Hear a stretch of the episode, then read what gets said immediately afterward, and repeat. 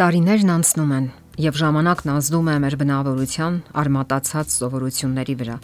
Եվ այդ ամենն ի վերջո սկսում է արտացոլվել նաեւ ամուսնական հարաբերությունների մեջ։ Խարացած, արմատացած հարաբերությունները սկսում են հոգնեցնել։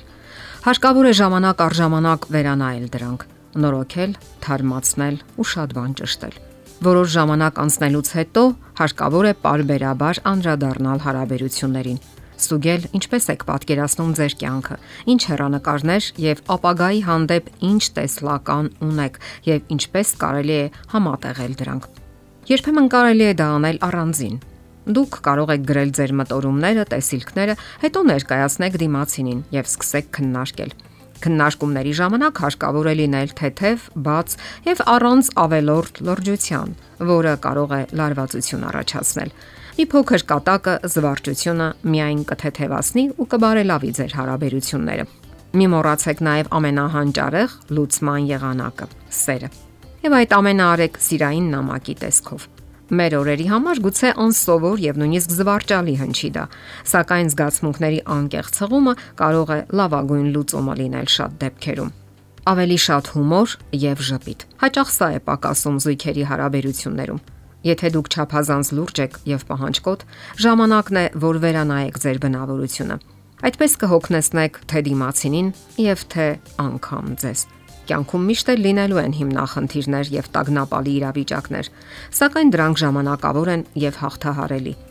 Հարկավոր է թեթև նայել կյանքի շատ հարցերին, միասին պայքարել կենսական դժվարությունների դեմ։ Այդպես ավելի հեշտ կլինի իսկ վերջում կարող եք միասին ուրախանալ։ Եվ մի մոռացեք երբեմն միասին զվարճալի ֆիլմեր կամ հաղորդումներ դիտել։ Լիաթոք եւ անկեղծ ծիծաղը հարաբերությունները կարգավորելու հետաքրքիր եւ ստուգված ուղի է։ Եթե չեք փորձել, կարող եք հենց այսօրվանից սկսել։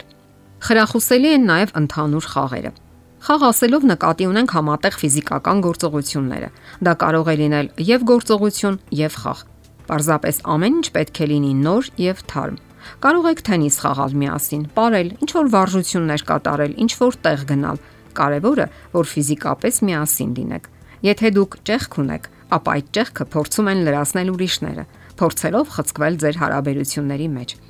Դուք մտածել եք այդ մասին։ Հարկավոր է իրատես լինել։ Եվս մեկ կարևոր գործոն հարաբերությունները բարելավելու համար։ Ժամանակ առ ժամանակ հարկավոր է վերանայել բնավորությունը Հնարավոր է դուք ժամանակի ընթացքում դարձել եք հորետես, վատատես, փնփնթան ու պահանջկոտ, եւ այն էլ անհարկի։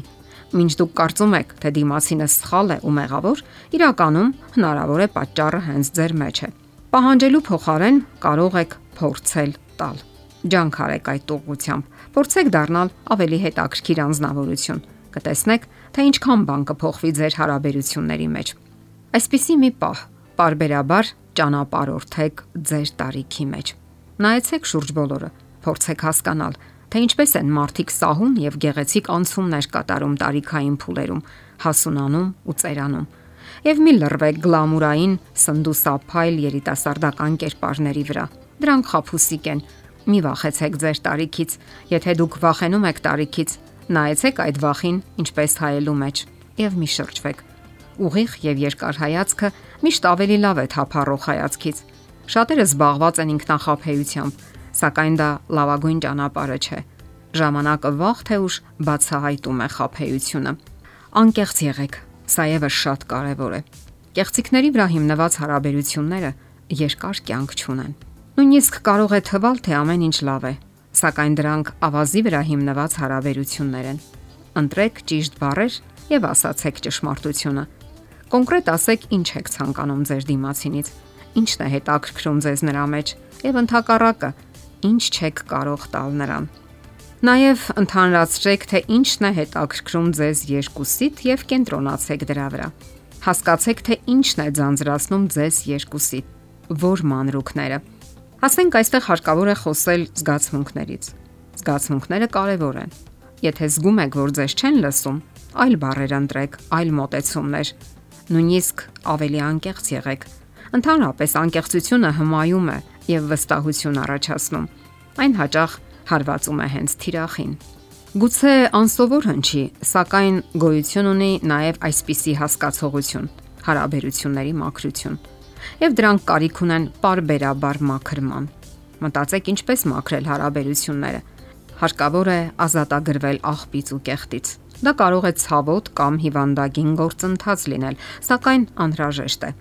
Լավ տնային տնտեսուհին միշտ հետևում է տան մաքրությանը եւ ժամանակին մաքրում կեղտը։ Այդպես պետք է լինի նաեւ հարաբերությունների առումով։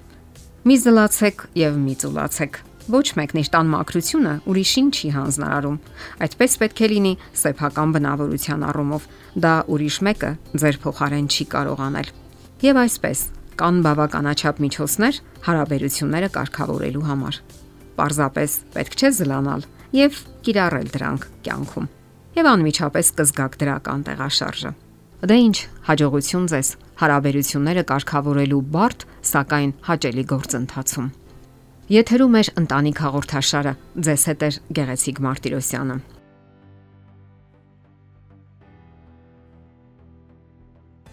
Հարցերի եւ առաջարկությունների դեպքում զանգահարեք 041 08 20 93 հեռախոսահամարով։ Հետևեք մեզ hopmedia.am հասցեով։